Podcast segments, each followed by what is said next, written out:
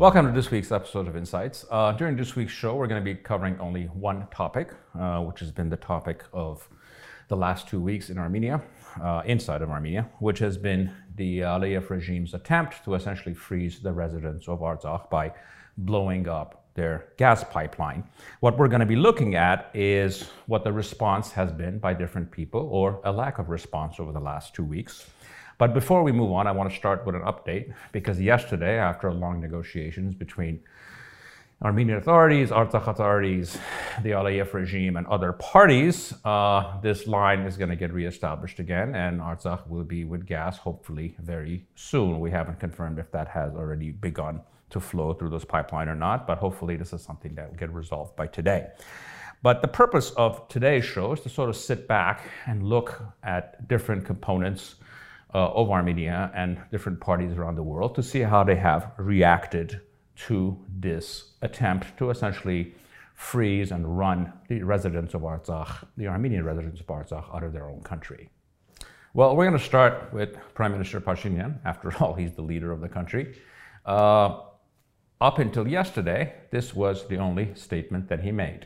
Վերջին օրերին մենք հատկապես Արցախում իրադրության որոշակի լարում ունենք, ինչը ընդգծվում է նաև Արցախին բնական գազ մատակարարող խողովակաշարի խափանմամբ այս պահին սակայն ես որևէ հավելյալ գնահատական տալու ձերս կմնամ, այլ քանզի մենք Արցախի իշխանությունների եւ մեր գործընկերների միջազգային հետ աշխատում ենք իրադրությունը կայունացնելու եւ կարգավորելու ուղությամբ, այսինքն այս պահին գնահատականներ չտանք, պարզապես արձանագրենք, որ կա այդպիսի իրավիճակ եւ փորձենք կենտրոնանալ խնդիրները լուծելու ուղությամբ։ To say the least, that's not good enough.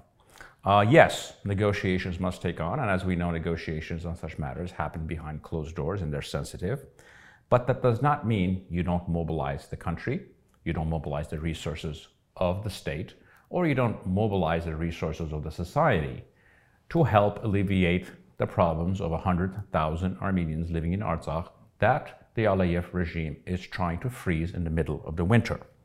My questioner, where was your address to the country updating us of what's going on and what steps the state is taking to alleviate the pain and suffering of the people of Artsakh?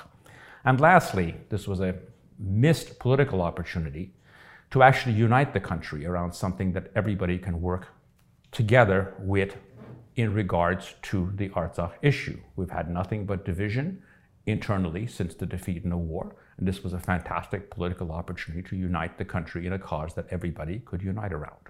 Number two, let's move on to the opposition.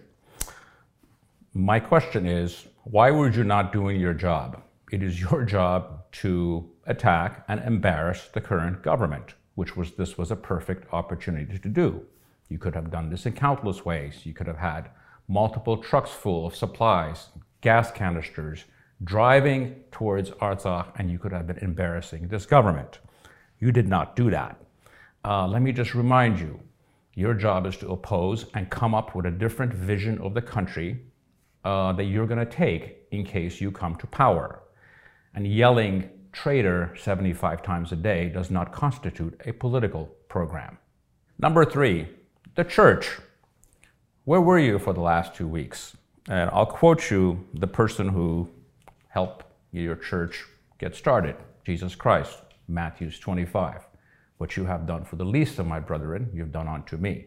So, my question is for the last two weeks, what did you do for the least of our brethren living in Artsakh?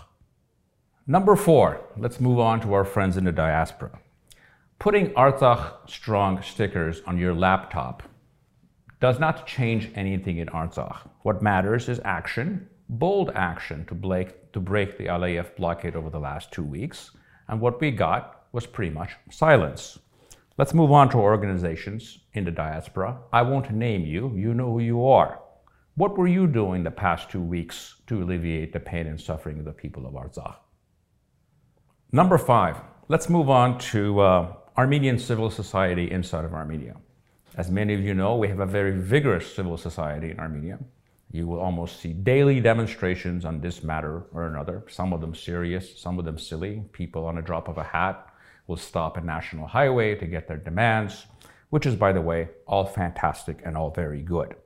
However, what we did not see is any kind of a mobilization among Armenian civil society. There were no mass caravans of cars driving to Artsakh to be with people there in solidarity, taking surprise, uh, supplies and other things. Uh, I know a lot of individuals who did so uh, on their own, and they're to be commended. But when it came to institutional responses to the Aliyev regime's criminal actions, there was none.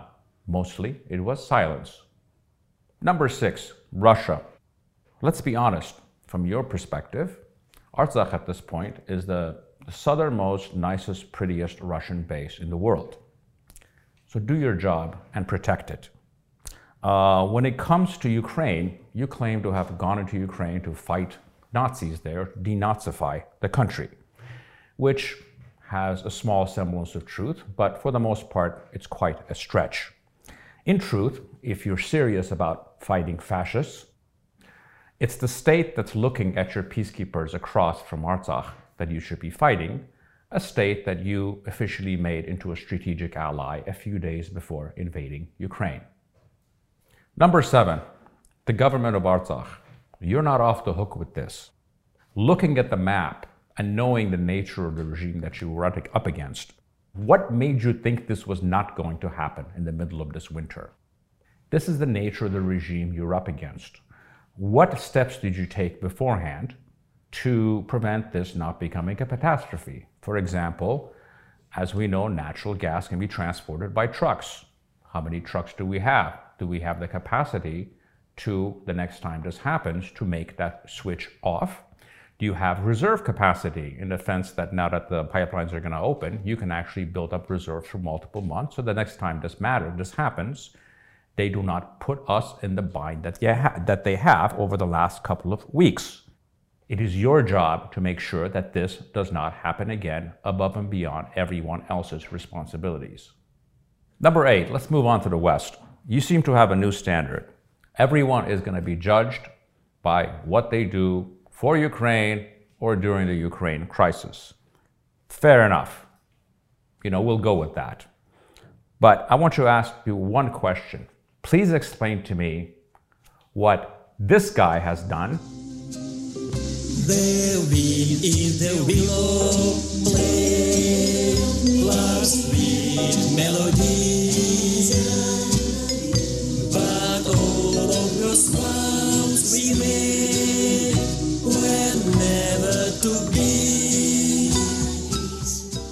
that this guy hasn't done.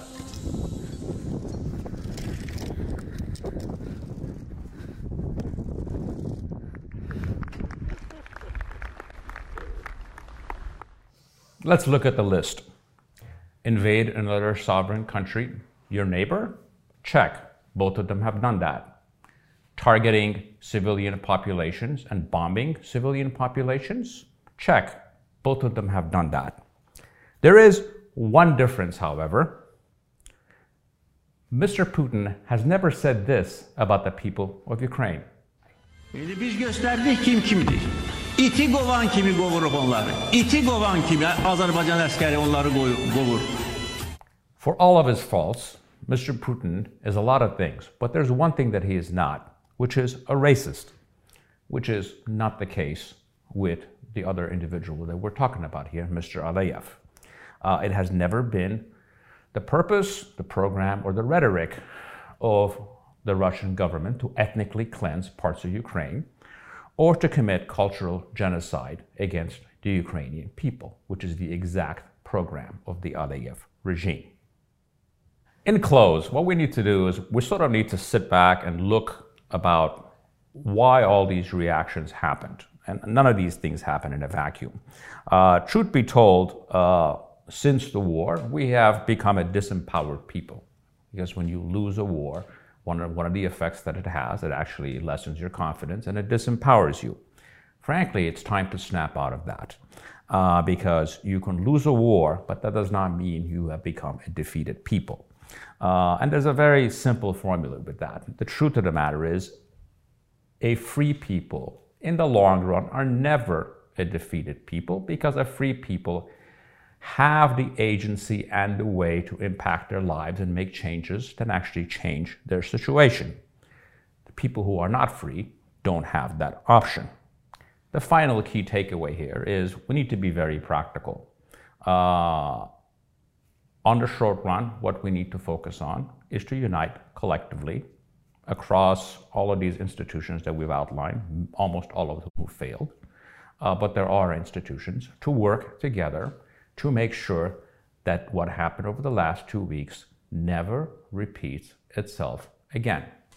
Thank you for joining me with this week's edition of Insights. Thank you.